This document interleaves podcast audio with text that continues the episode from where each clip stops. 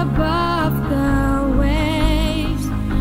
When oceans rise, my soul will rest in your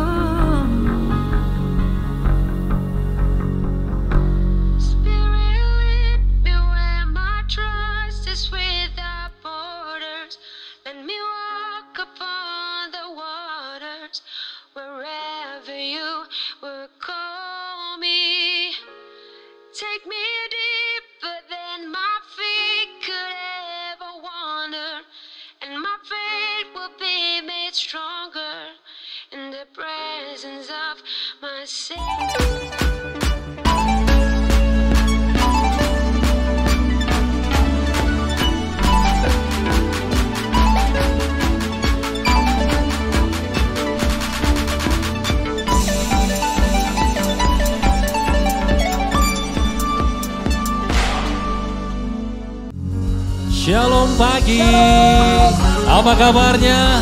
Luar biasa tentunya karena Allah kita luar biasa. Bilangan 14 ayat 17 katakan jadi sekarang biarlah kiranya kekuatan Tuhan itu nyata kebesarannya seperti yang dia firmankan. Sebelum kita mulai kita mau sama-sama datang di dalam hadirat Tuhan. Bapak terima kasih untuk pagi yang indah Tuhan. Semuanya anugerah, semuanya kebaikan Tuhan bukan karena kuat gagah kami Tuhan. Bapak terima kasih untuk apa yang kami nikmati Tuhan. Terutama untuk pilihan Engkau bagi kami. Sehingga kami boleh mengenal pribadimu yang luar biasa Tuhan. Ajar kami memuji dan menyembah di dalam roh dan kebenaran. Kebaktian milik Engkau. Jadi seperti apa yang Engkau mau Tuhan bagi kami yang di tempat ini Tuhan. Bagi saudara-saudara kami yang di rumah masing-masing Tuhan jamah. Terpuji namamu tinggikan dirimu ya Tuhan sebab Engkau layak. Terima segala yang terbaik. Di dalam nama Yesus sama-sama katakan. Amin. Kalau kita tanya seberapa besar kasih Tuhan, ingat Yesus rentangkan tangannya di atas kayu salib dan dia mati bagi kita. Itulah kebesaran kasihnya di dalam kehidupan kita. Mari bangkit berdiri bersama-sama.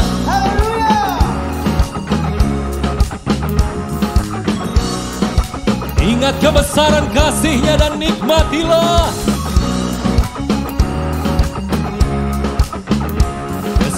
Yang begitu besar Lebih kuat dari dosa. Kasih yang menemukanku Selamatkan dan pulihkanku. Ku naikkan syukurku Ku tak akan berhenti memuji Meninggikan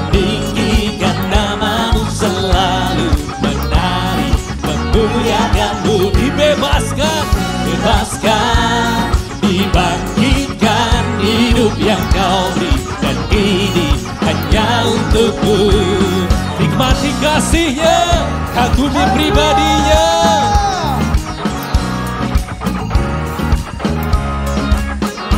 Kasih yang begitu besar Lebih kuat dari dosa. Kasih yang menemukanku Terima kasih Tuhan. Selamatkan dan pulihkanku Ku. Naikkan syukurku. Ku tak akan berhenti memuji Meninggikan namamu selalu Menari memuliakanmu Dibebaskan Dibangkitkan hidup yang kau beri Dan kini hanya untukmu takkan berhenti memuji Meninggikan namamu selalu. Menari memuliakanmu Dibebaskan, bebaskan Dibangkitkan hidup yang kau beri Dan kini hanya untukmu Terima kasih buat kasihmu Tuhan. Buat pengorbananmu ya Allah. Kami hidup karena Engkau menghidupkan Tuhan.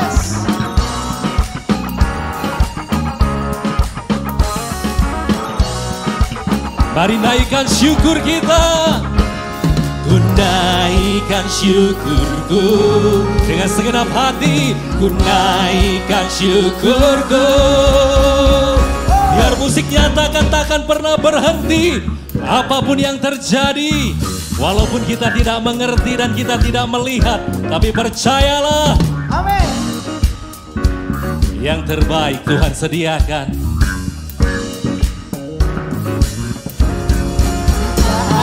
Berhenti memuji meninggikan namamu selalu.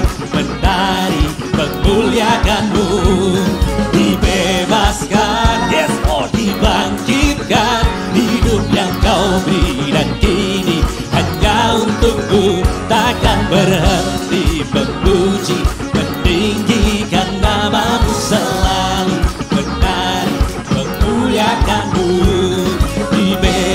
dibebaskan, dibangkitkan hidup yang kau beri dan kini hanya untukmu. Hidup yang kita terima, berikan kepada Tuhan. Sorakan. Haleluya. Firman Tuhan adalah perkataan Allah sendiri. Oleh sebab itu Amin. tangkap kebenarannya dan jadikan kekuatan di dalam hidupmu. Tuntun kami Tuhan dan jadilah benar ya Allah.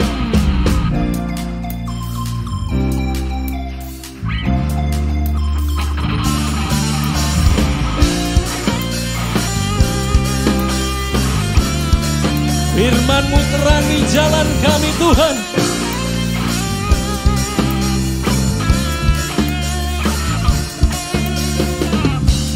Firmanmu, kebenaranmu, itulah kekuatanku. Iman dan keadilan menjadi perlindunganku. Ku tahu lawanku tak berkuasa atasku di dalam namamu ku pegang kemenanganku. Hey, haleluya. dialah hanya kebenaran firman-Nya.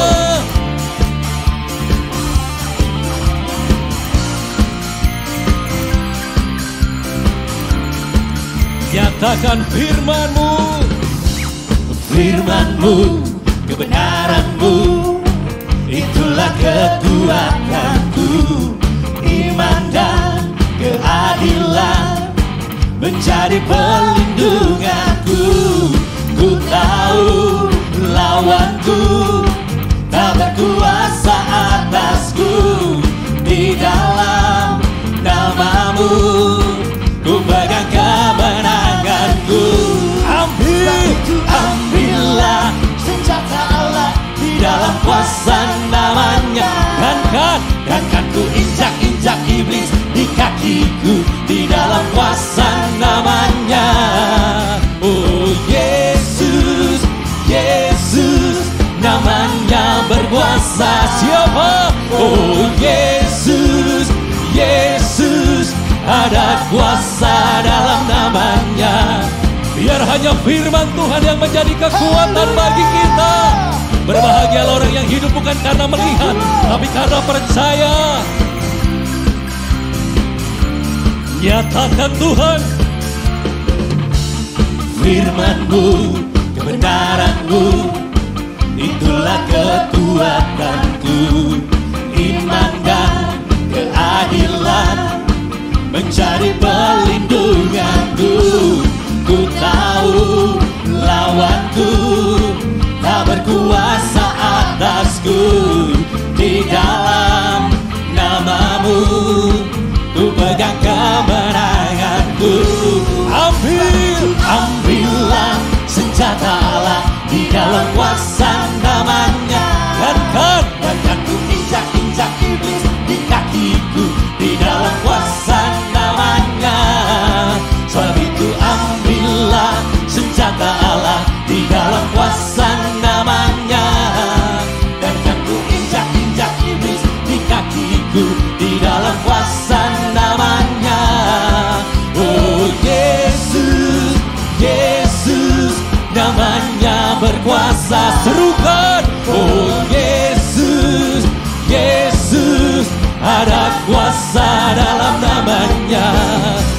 Ambillah selengkap senjata Allah.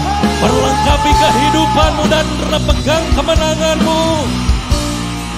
Bukan karena kuat dan gagah kami Tuhan Tapi karena Engkau yang memberikan kemenangan.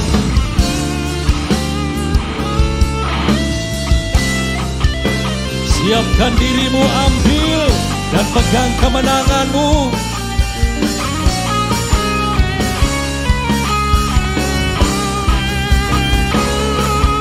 Sebab itu ambillah senjata Allah di dalam kuasa namanya.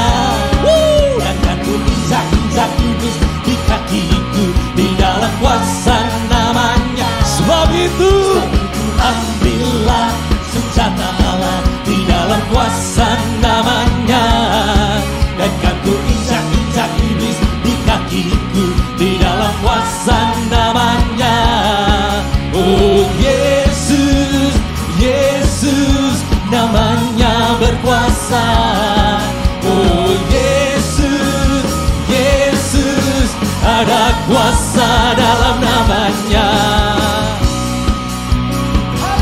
Percayalah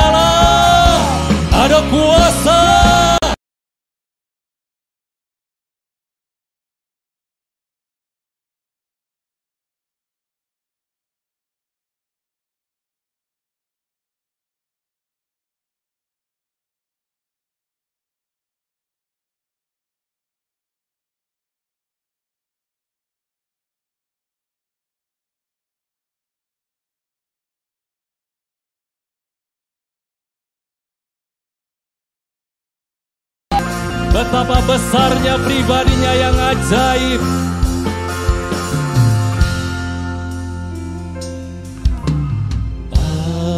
Alam semesta melukiskan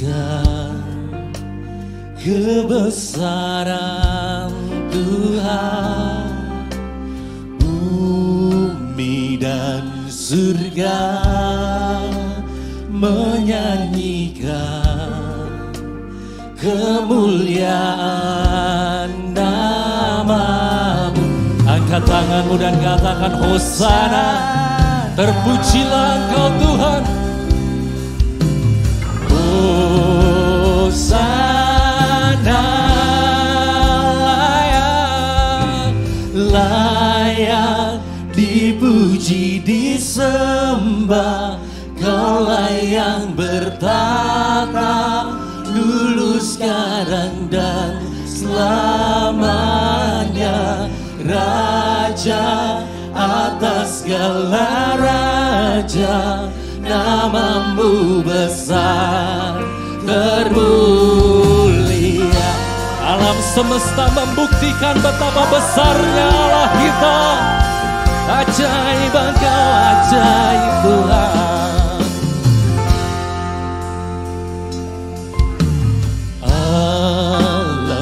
semesta melukiskan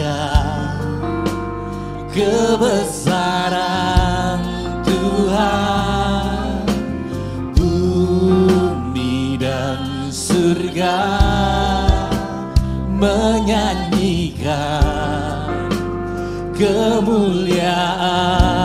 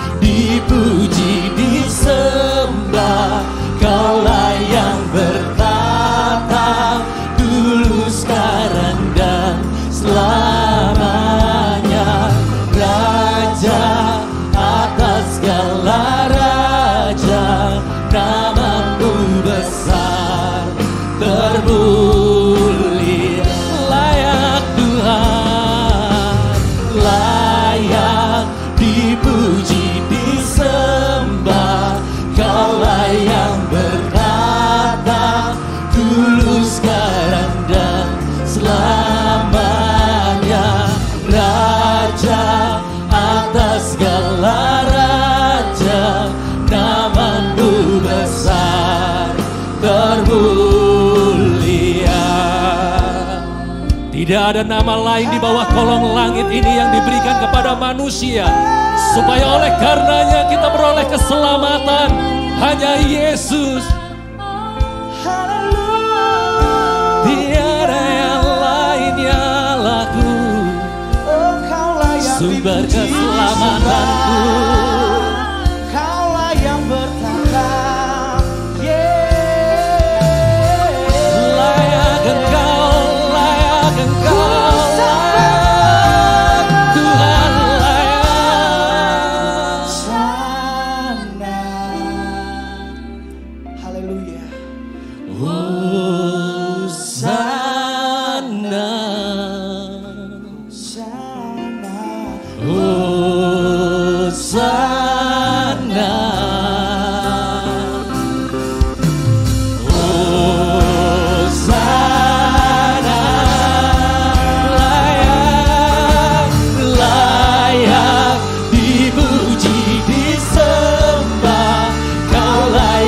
verdad.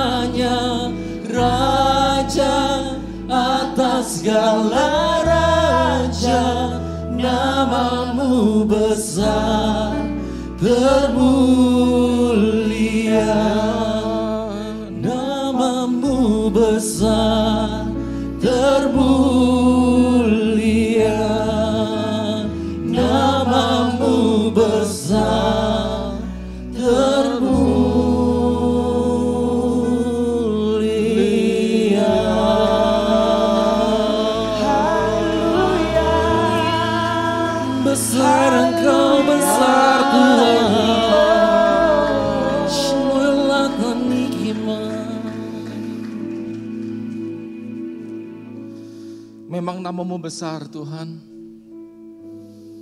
Namamu ajaib. Namamu yang menyelamatkan setiap orang yang percaya. Di sini kami meninggikan namamu. Bapa terima kasih. Meskipun cuaca di luar kurang baik, tapi kami punya Allah yang baik. Kami punya Allah yang selalu menyertai kami sampai kepada akhir zaman. Bapa di sorga, sampaikan isi hatimu Bapa. Sebab kami mengerti bahwa kami hidup bukan dari roti saja, tapi dari setiap perkataanmu. Kenyangkan kami pagi ini Bapak. Engkau sudah menaruh firmamu, firmamu dalam hatiku. Kiranya engkau mengurapi hambamu ini Bapak. Yes Tuhan Amin Supaya hambamu dapat menyampaikannya dengan baik, dengan Yes, benar. Tuhan, Amin Sesuai dengan tujuan muliamu. Terima kasih Bapak. Dan biarlah engkau, engkau juga yang, membuka, yang membuka setiap telinga supaya mereka bisa mendengar perkataanmu. Dan engkau yang membuka setiap hati kami semua. Supaya ada pengertian di dalam hati kami. Dan kami boleh melakukannya. Kami boleh menyenangkan hatimu dengan melakukan firmanmu Bapa. Ada satu oknum yang tidak senang kalau kami menerima firman Tuhan Pagi ini kami minta kiranya para malaikat Allah berjaga-jaga atas setiap kami di tempat ini. Yes Tuhan Kami perintahkan segala kuasa roh-roh jahat, segala roh-roh iblis setan yang mengganggu ibadah kami. Kami perintahkan saat ini juga keluar di dalam nama Tuhan Dalam Yesus. nama Yesus Kami ikat kuasamu di dalam nama Tuhan Dalam Yesus nama Tuhan Kristus. Yesus Kristus Terima kasih Bapa. Saat ini kami siap untuk menerima kebenaranmu. Kami percaya pulang dari tempat ini kami menjadi orang yang merdeka. Di dalam nama Tuhan Yesus kami berdoa dan mengucap syukur.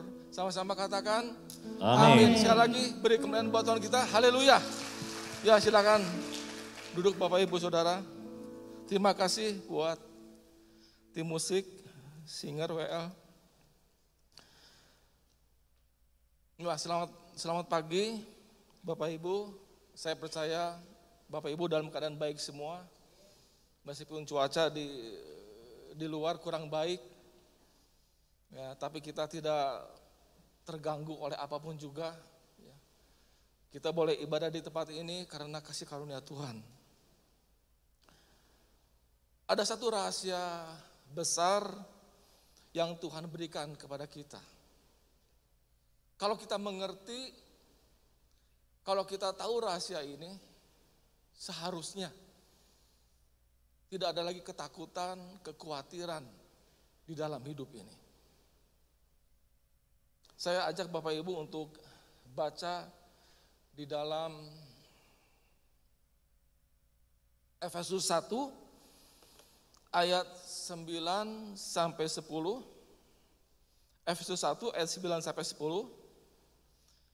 Sebab ia telah menyatakan rahasia kehendaknya kepada kita sesuai dengan rencana kerelaannya yaitu rencana kerelaan yang dari semula telah ditetapkan di dalam Kristus sebagai persiapan kegenapan waktu untuk mempersatukan di dalam Kristus sebagai kepala segala sesuatu baik yang di sorga maupun yang di bumi.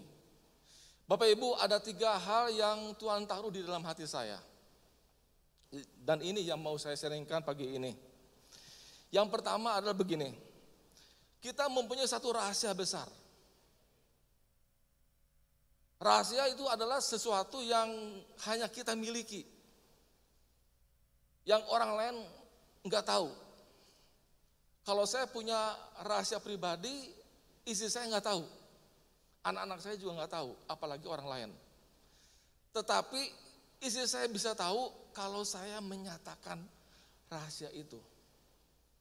Begitu juga pagi ini Tuhan menyatakan rahasianya kepada kita.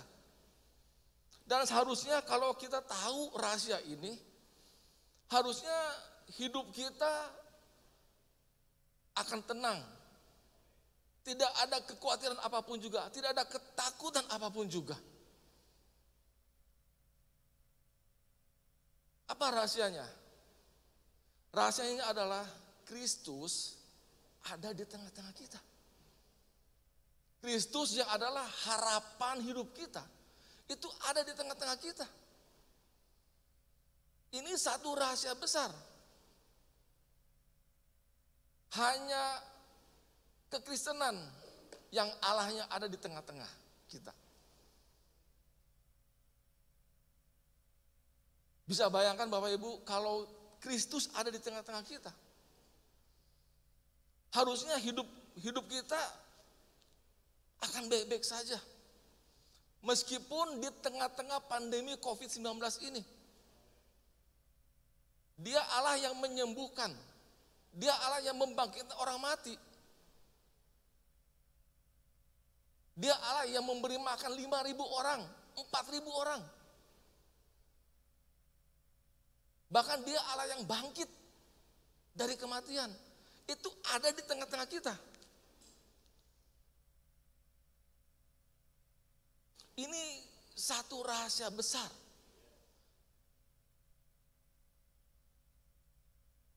Di dalam Kolose 1 ayat 27 bilang Kolose 1 ayat 27 bilang begini.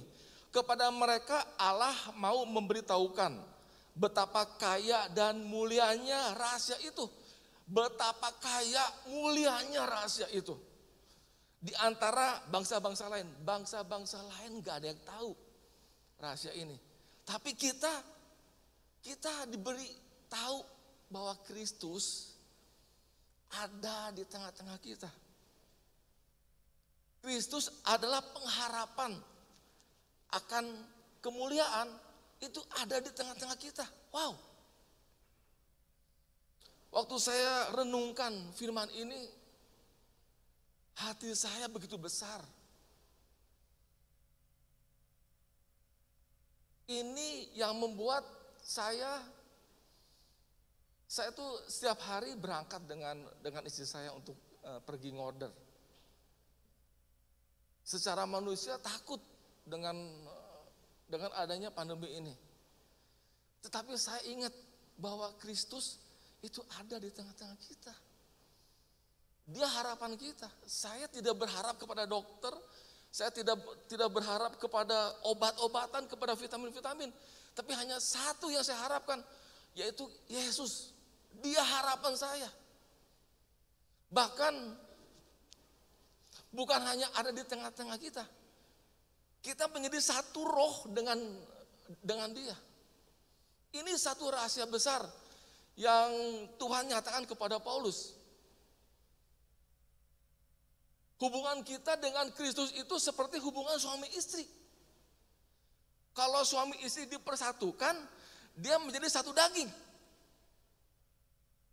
Tetapi kalau kita dipersatukan dengan Tuhan atau kita mengikatkan diri dengan Tuhan, maka kita menjadi satu roh dengan Tuhan. Amin.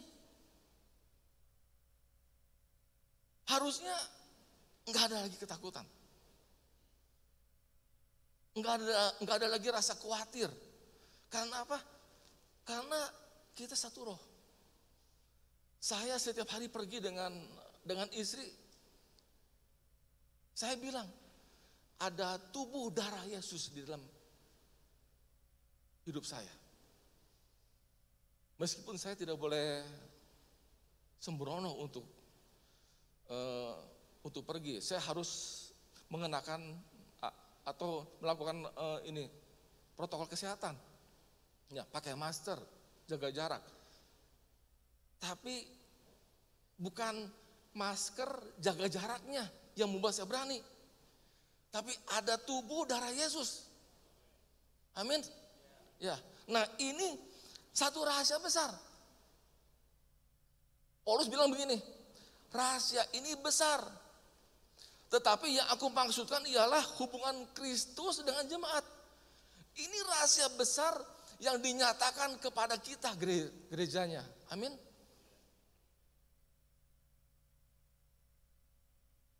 Harusnya kita ini baik-baik aja Bapak Ibu.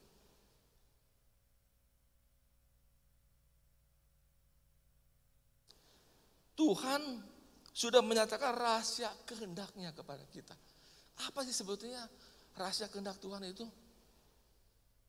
Kita dipersatukan dengan Kristus selama-lamanya. Amin. Itu rahasia kehendak Tuhan. Dari awal kejadian sampai akhir zaman nanti hanya satu tujuan Tuhan sejak semula di, di dalam Kristus itu yaitu apa? Kita sebagai mempelai wanita, kita dipersatukan dengan Kristus. Itu tujuan utama dari semua rencana Tuhan. Kita dipersatukan dengan Kristus.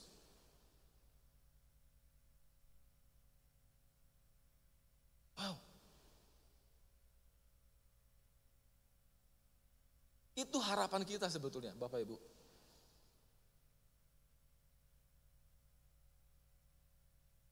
Sebab firman Tuhan bilang begini, kalau harapan yang kelihatan itu, itu bukan harapan namanya. Betul? Ya. Kita sedang menantikan harapan yang enggak kelihatan. Yaitu apa? Kita dipersatukan dengan Kristus. Kita hidup selama-lamanya dengan Kristus. Bahkan sekarang pun kita sudah dipersatukan secara roh. Tapi nanti kita akan bertemu muka dengan muka bersama dengan Tuhan. Selama-lamanya kita hidup berbahagia bersama dengan Tuhan. Amin. Nah, kita sedang dipersiapkan untuk itu Bapak Ibu. Kita sedang di, sedang dipersiapkan untuk peristiwa yang besar itu. Perjamuan kawin anak domba. Itu yang yang yang direncanakan Tuhan sejak semulanya. Nah, kita ini sedang dipersiapkan untuk itu. Kita ini dikuduskan Percaya nggak Bapak Ibu bahwa kita ini semua adalah orang yang kudus?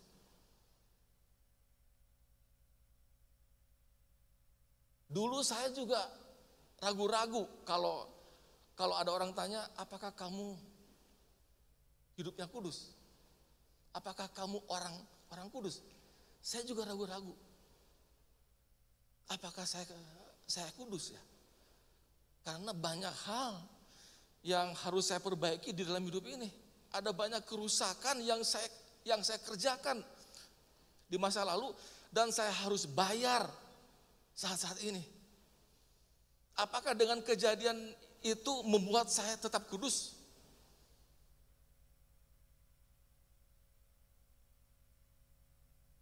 Ada satu ayat yang yang membuat saya yakin bahwa saya ini adalah orang yang kudus dan tak bercacat.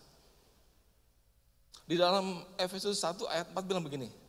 Sebab di dalam dia Allah telah memilih kita sebelum dunia dijadikan supaya kita kudus dan tak bercacat di hadapannya. Jadi Allah memilih kita sebelum dunia dijadikan. Sebelum kita ada. Sebelum kita ber, berbuat salah, sebelum kita berdosa, Allah sudah memilih kita. Ini yang membuat saya mengerti kenapa Allah itu Allah yang maha kuasa. Karena apa? Sebelum semuanya ada, dia sudah tahu apa yang akan terjadi. Betul? Ya. Dia memilih kita sebelum dunia ini dijadikan. Supaya apa? Supaya kita kudus dan tak bercacat.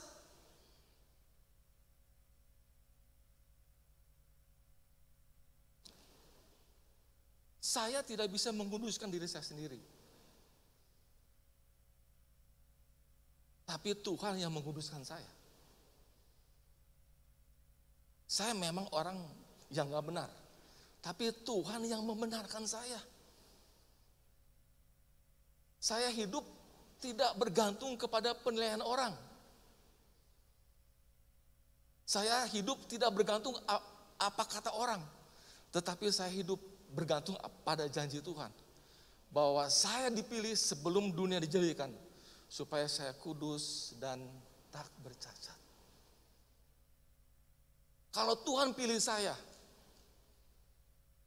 orang yang benar ini, apa ada orang yang yang berani menggugat Tuhan? Apa ada orang yang yang berani menasihati dia?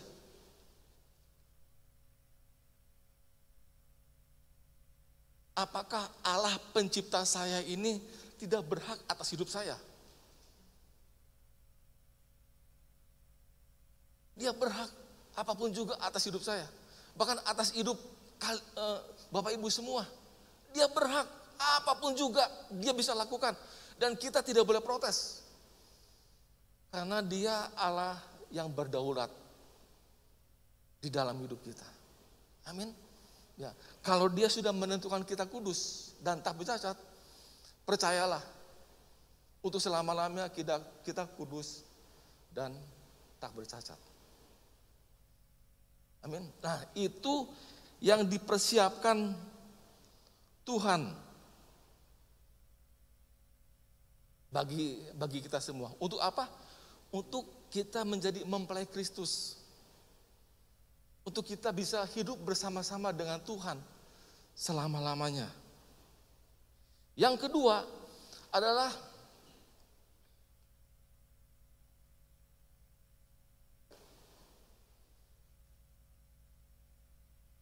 Oh, so, sorry, saya baca ini dulu. Ibrani 9 ayat 14. Betapa lebihnya darah Kristus yang oleh roh yang kekal telah mempersembahkan dirinya sendiri kepada Allah sebagai persembahan yang tak bercacat akan menyucikan hati nurani kita dari perbuatan-perbuatan yang sia-sia supaya kita dapat beribadah kepada Allah yang hidup. Tandanya kita hidup kudus adalah kita bisa beribadah kepada Allah tanpa ada e, rasa bersalah, tanpa ada tuduhan-tuduhan, Waktu saya berdoa kepada Allah, tidak ada rasa bahwa saya ini orang yang gak layak. Saya ini orang yang kotor. Enggak ada itu. Itu tandanya kita kudus.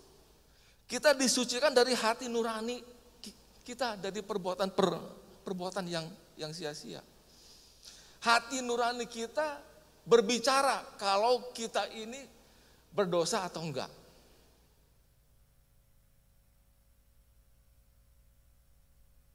Amin. Ya, kalau Bapak Ibu ada di tempat ini dan di hadapan Tuhan enggak takut, berarti Bapak Ibu itu kudus. Hati nurani Bapak Ibu itu suci. Itu tandanya kita ini orang yang kudus dan tak bercacat. Ibrani 10 ayat 22 bilang begini, karena itu marilah kita menghadap Allah dengan hati yang tulus ikhlas dan keyakinan iman yang teguh. Oleh karena apa? Oleh karena hati kita telah dibersihkan dari hati nurani yang jahat. Dan tubuh kita telah dibasuh dengan air yang murni. Amin. Hati nurani kita itu sudah dibersihkan. Kita kudus, tak bercacat.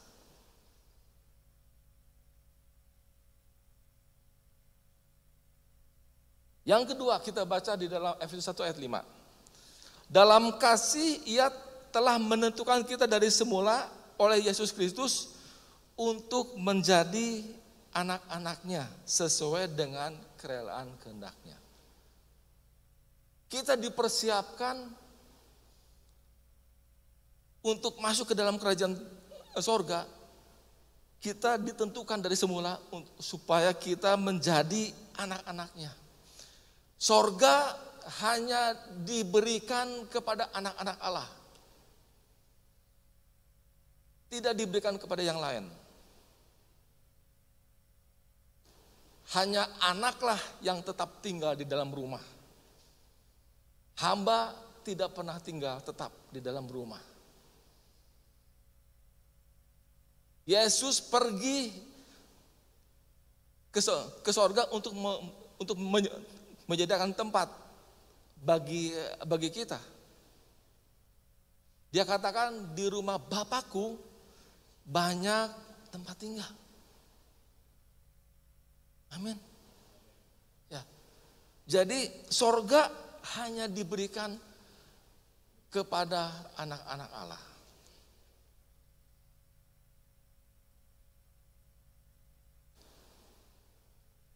Bapak Ibu, kita tidak kita tidak diberi roh ketakutan. Amin. Harusnya enggak ada ketakutan di dalam hidup ini. Karena Tuhan tidak memberikan roh ketakutan kepada kita tapi Tuhan memberikan roh yang membuat kita menjadi anak Allah. Dan oleh roh itu kita bisa berseru ya Aba, ya Bapa. Amin. Kalau kita berdoa kepada Bapa, berarti ada roh anaknya yang ditaruh di dalam hati kita. Ada roh anaknya yang ditaruh di dalam hidup kita. Sehingga kita bisa berseru, ya Aba, Ya Bapa. Itu tandanya kita adalah anak-anak Allah. Tanpa Roh Kudus kita tidak mungkin menjadi anak Allah. Ini yang membuat saya besar hati. Ya, kalau kalau saya masih bisa panggil Allah itu Bapa, berarti ada Roh Kudus di, di dalam hati saya. Dia akan mimpin saya. Dia akan menjaga hidup saya. Dia akan melindungi saya. Karena ada roh kudus yang ada di dalam hati saya. Surga hanya diberikan kepada anak-anak Allah. Dan pastikan Bapak Ibu adalah anak-anak Allah.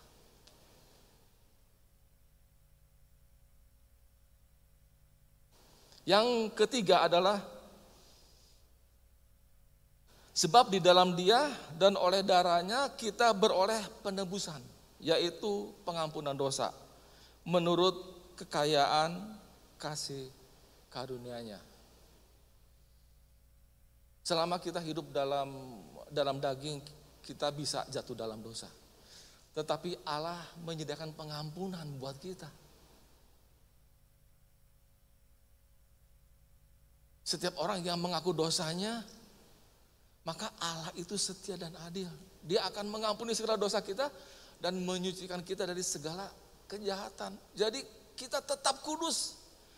Kalau kita berbuat dosa, kita minta ampun dan kita kembali kudus. Amin.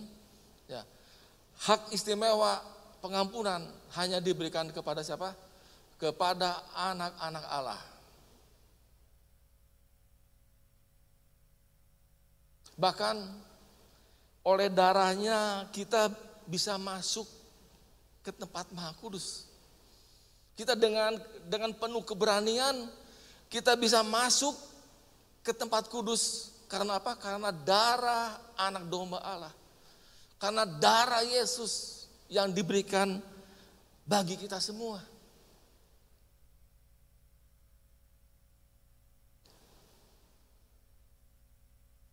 Coba kita renungkan Bapak Ibu kita sudah ditebus. Artinya kita sudah diampuni dosa-dosa kita. Kita menjadi anak Allah.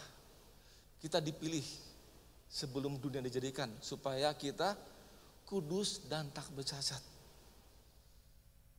Bayangkan kondisi kita yang seperti itu. Apalagi yang membuat kita takut di dalam hidup ini. Apalagi yang membuat kita khawatir di dalam hidup hidup ini. Penderitaan zaman sekarang itu tidak sebanding dengan kemuliaan yang akan kita terima nanti Bapak Ibu. Tidak sebanding. Amin. Ya, kita punya Yesus yang ada di tengah-tengah kita. Kita punya Yesus yang menyatu dengan hidup dengan hidup kita.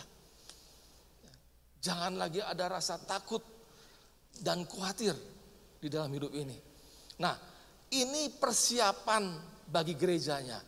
Ini persiapan bagi kita semua supaya kita bisa menjadi mempelai Kristus yang kudus dan tak bercacat. Bapak Ibu, Percaya nggak bahwa saatnya sudah semakin dekat? Kedatangan Yesus itu sudah semakin dekat. Apakah Bapak Ibu percaya? Kalau saya sangat percaya bahwa kedatangan Yesus itu sudah di depan mata. Kalau kita lihat tanda-tanda dari dari kedatangan Tuhan itu sudah nyata, sudah jelas di depan mata kita. Kelaparan, eh, perang,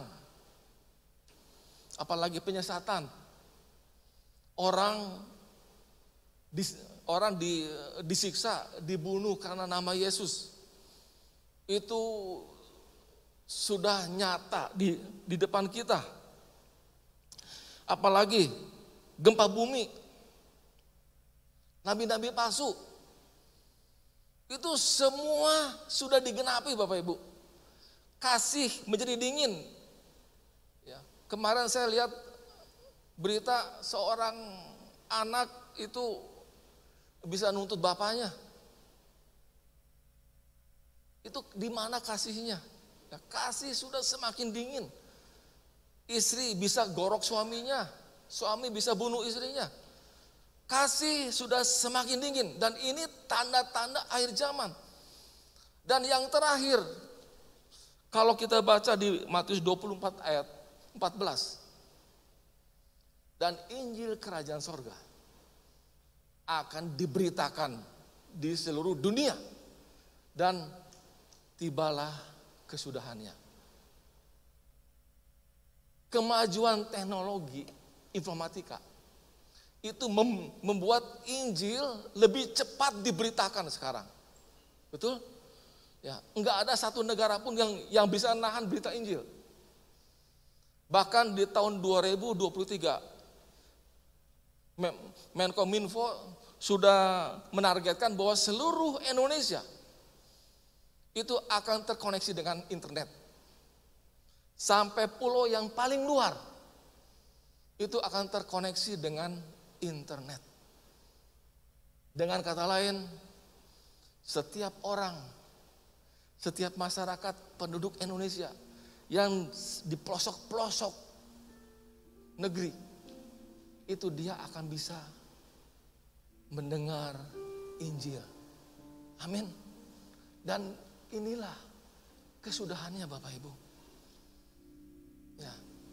Saya percaya bahwa sebentarnya, sebentar lagi Yesus akan datang.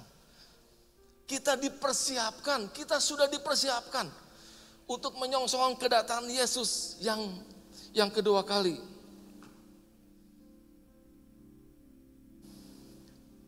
Manusia itu sudah seperti Tuhan. Ya, ke depannya manusia itu akan seperti Tuhan. Elon Musk sudah menargetkan tahun ini dia akan uh, menaruh chip ya sudah percobaan ya di otak manusia. Orang punya kemampuan telekinetis. Orang bisa menggerakkan benda apa pun juga dengan apa? Dengan kekuatan pikirannya. Bisa bayangkan apa jadinya dengan dunia ini kalau semua orang bisa seperti itu. Dunia sudah sudah seperti Babel yang sebentar lagi akan dimusnahkan oleh Tuhan. Sebentar lagi kita akan melihat Yesus. Sebentar lagi kita akan meninggalkan penderitaan yang ada di dunia ini. Kita akan berjumpa dengan kekasih kita Yesus Kristus. Amin. Ya. Saya undang pemain musik untuk maju ke depan. Uh, singer WL juga. Dan inilah yang menjadi pengharapan Paulus. Dan ini juga yang yang menjadi pengharapan kita semua. Berjumpa dengan kekasih jiwa kita. Yesus Kristus. Tuhan. Mulai dari sekarang Bapak Ibu, perhatikan hidup kita. Jangan seperti orang bebal. Jadilah orang yang arif Pergunakan waktu ini dengan baik-baik. Karena waktunya sudah semakin dekat. Penggenapan waktu Tuhan sudah di depan mata kita. Yesus akan segera datang menjemput kita.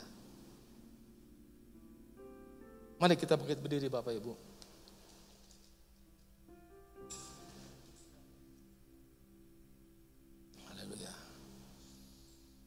Haleluya. Kita angkat kedua tangan kita. Memang dia layak disembah. Layak dipuji disembah Kau yang bertata Dulu sekarang dan selamanya. Raja atas segala namamu besar termulia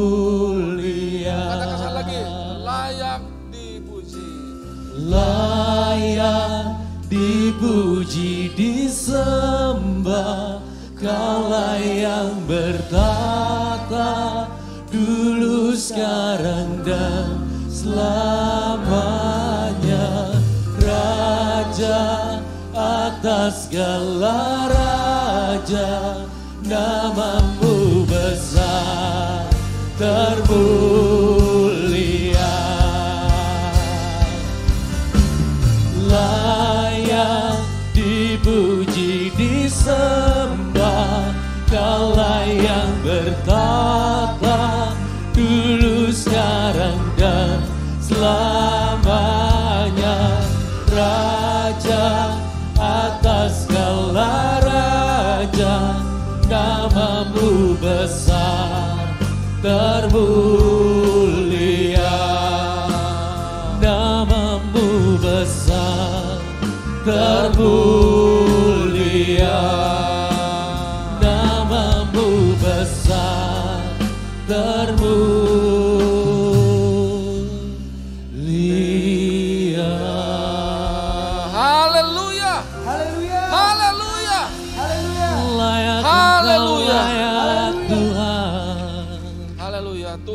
kasih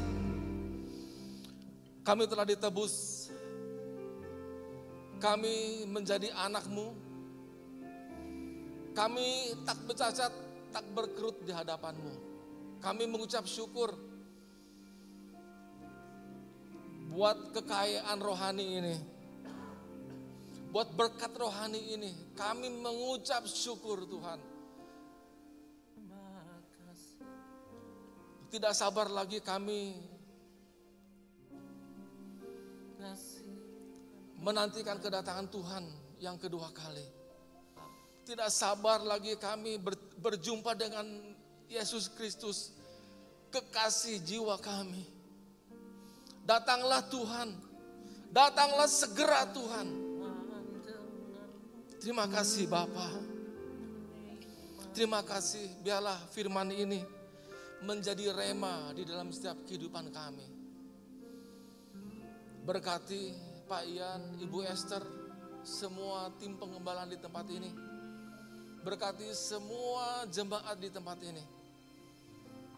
Di dalam nama Tuhan Yesus Kristus. Kami berdoa juga bagi para pemimpin kami Tuhan. Bagi Pak Budiman, Pak Lukas Suherli, Pak Lukas Jonathan. Bagi semua gembala cabang, wakil gembala. Bagi semua koordinator departemen. Bagi semua full timer atau part timer. Berkati mereka semua Bapak. Khususnya kami berdoa bagi para pemimpin kami. Berkati Tuhan. Lindungi tutup bungkus dengan kuasa darahmu. Anak, istri, mantu, cucu, tutup bungkus semua dengan kuasa darahmu Bapak. Terima kasih. Kami juga berdoa bagi bangsa dan negara ini. Bapak kami mengucap syukur. Kami percaya dua tahun ke depan kami akan melihat penemuan jiwa beribu-ribu laksa terjadi di bumi Indonesia ini Bapak. Semua orang akan mendengar Injil kerajaanmu. Mereka akan diselamatkan. Mereka akan mengaku bahwa Yesus adalah Tuhan. Mereka akan ber, ber, bertelut dan menyembah Yesus. Terima kasih Bapak. Berkati bangsa dan negara kami. Berkati rakyat Indonesia. Berkati para pemimpin. Ber, berkati presiden kami, wakil presiden. Semua para menteri yang ada Tuhan berkati. Semua TNI Polri. Semua pemerintahan daerah Tuhan berkati. Para menteri Tuhan berkati juga. Di dalam nama Tuhan Yesus Kristus. Khususnya berdoa bagi presiden kami, lindungi. Kami mengucap syukur Tuhan beri presiden yang bijaksana. Kami mengucap syukur kami punya presiden yang mempedulikan seluruh rakyat Indonesia tanpa memandang ras, agama, atau golongan. Terima kasih Bapak di sorga, beri hikmat, beri keberanian di dalam setiap mengambil keputusan. Kami percaya Tuhan yang menaruh segala kebijaksanaan, segala hikmat kepada presiden kami. Di dalam nama Tuhan Yesus Kristus. Terima kasih Bapak di sorga. Terima kasih. Sebentar juga kami akan tinggalkan tempat ini. Kami rindu untuk menerima berkat-Mu. Kami angkat kedua tangan kami. Sidang jemaat yang dikasih oleh Tuhan Yesus Kristus. Pulanglah dengan membawa segala berkat rohani, berkat jasmani. Mulai saat ini dan sampai selama-lamanya. Tuhan mengasihimu, Tuhan melindungimu, dan Tuhan memberikan damai sejahtera bagi engkau mulai saat ini dan sampai selama-lamanya. Saat ini terimalah berkat yang berlimpah. Kasih dari Tuhan Yesus Kristus dan persekutuan yang manis dengan kuasa Roh Kudus akan menyertai Bapak, Ibu dan, dan saudara semua mulai saat ini dan sampai Maranatha Tuhan Yesus menjemput kita di dalam nama Tuhan Yesus. Haleluya, sama-sama katakan. Amin. Tuhan Yesus memberkati. Tuhan berkati.